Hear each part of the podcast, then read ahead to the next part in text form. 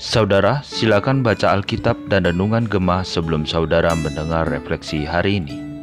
Shalom rekan-rekan seiman yang dikasihi Tuhan. Kita bersyukur buat hari yang baru. Saya juga ingin mengucapkan selamat tahun baru. Happy New Year to us all. Semoga di tahun yang baru kita boleh terus tetap setia untuk belajar firman Tuhan bersama-sama.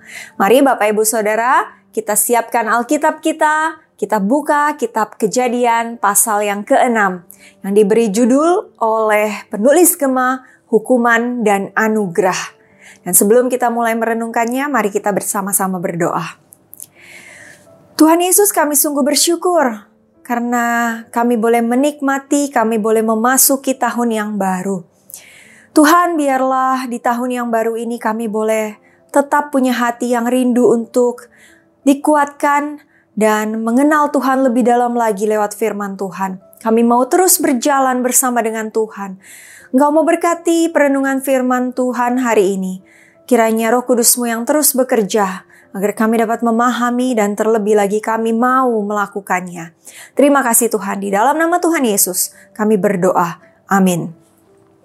Ya Bapak Ibu Saudara, mari bersama-sama kita baca dari kitab kejadian 6. Saya akan bacakan dari ayatnya yang kelima sampai ke delapan.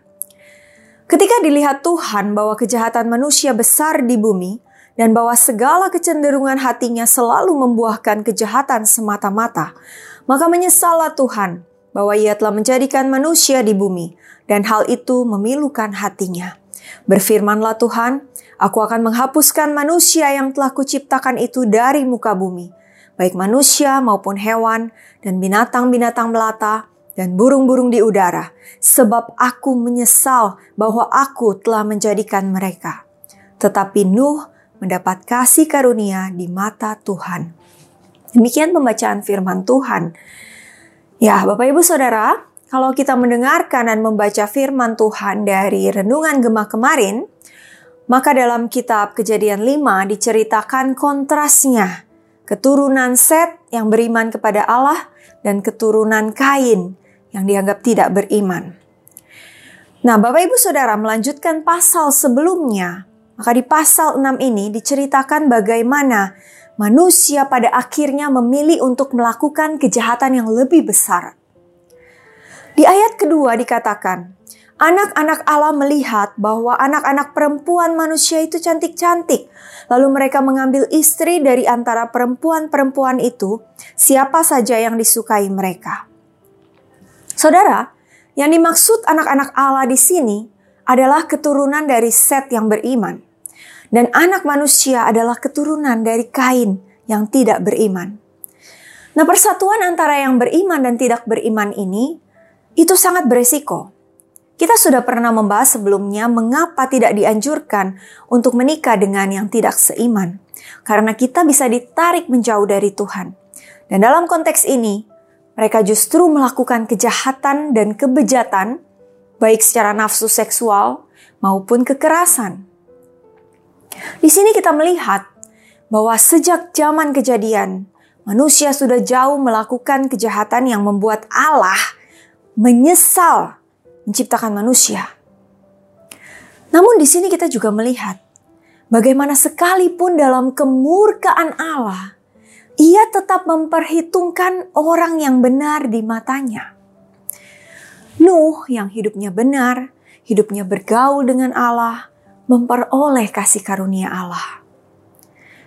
Ketika Allah memerintahkan Nuh untuk membangun bahtera yang luar biasa besar itu, hingga ia membutuhkan waktu 120 tahun untuk membangunnya, maka ada waktu 120 tahun juga bagi orang-orang yang menerima berita tentang air bah itu untuk bertobat. Namun sampai pada harinya tak ada satupun yang datang. Ini menggambarkan betapa rusaknya manusia di zaman itu. Di zaman sekarang manusia bahkan jauh lebih bejat lagi, lebih jahat lagi. Dan di tengah kehidupan yang penuh kejahatan ini, apakah Tuhan mendapati kita sebagai orang yang berbeda sebagai orang yang taat dan beriman dan benar di mata Tuhan yang pantas menerima kasih karunia-Nya? Ataukah justru dianggap layak untuk dimusnahkan? Apakah kita membuat Allah menyesal menciptakan kita, atau justru sebaliknya? Bapak, ibu, saudara, ketika kita hidup di zaman yang moralnya rusak ini, tidak ada alasan bagi kita untuk membenarkan diri ketika kita akhirnya ikut jatuh ke dalam dosa. Ya, mau gimana lagi? Habisnya semua orang kayak begitu. Semua orang di sekitar saya, lingkungan saya melakukan hal itu. Saya mau gak mau jadi ikut-ikutan. Gak ada alasan saudara, no reason. Contoh sederhana ya, ketika kita mengendarai kendaraan kita, terutama sepeda motor, kita sering lihat banyak sekali orang yang melawan arus, melawan arah, atau putar balik tidak pada tempatnya, atau menerobos lampu merah. Ketika kita melihat hal itu, apakah kemudian kita juga berpikir, ah banyak kok yang kayak gitu, aku juga mau. Saya ikut ah. Saudara, banyak orang yang melakukannya bukan berarti itu benar. Nuh tetap bisa mempertahankan ketaatannya di tengah-tengah manusia yang melakukan kejahatan, maka begitu pula lah seharusnya dengan kita. Saudara, jangan kita kemudian berpikir bahwa Allah itu mengasihi manusia, Dia menebus dosa saya kok.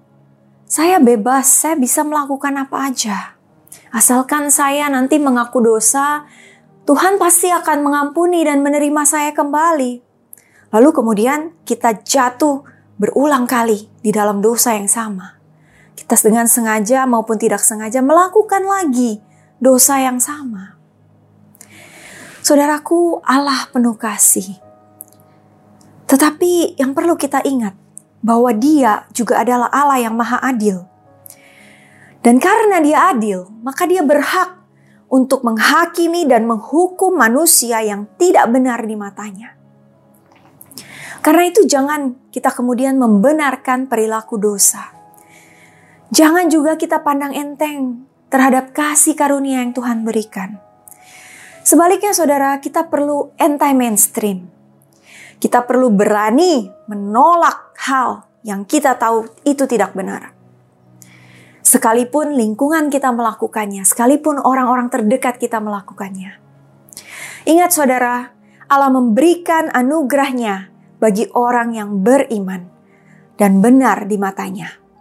Tetapi dia akan menghukum orang yang mengabaikan kehendak dan perintahnya. Maka pilihan ada di tangan kita. Hukuman atau anugerah. Mari kita berdoa.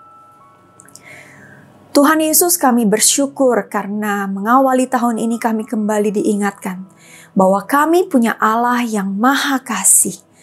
Tapi engkau juga adalah Allah yang maha adil. Engkau bukan hanya mengasihi kami, tapi engkau juga akan menghukum kami jikalau kami melakukan hal yang tidak benar. Karena itu Tuhan, biarlah kami boleh tetap setia kepada Tuhan, setia belajar firman Tuhan, dan kami mau melakukannya di dalam kehidupan kami agar kami boleh dipandang benar oleh Engkau dan kami boleh beroleh kasih karunia, berkat dan anugerah Tuhan sebagaimana Engkau memberkati keturunan dari Set. Terima kasih Tuhan, Kau memberkati setiap kami, aktivitas kami, kami serahkan semuanya ke dalam tangan-Mu. Di dalam nama Tuhan Yesus, kami berdoa. Amin. Selamat beraktivitas saudara sekalian, Tuhan Yesus memberkati.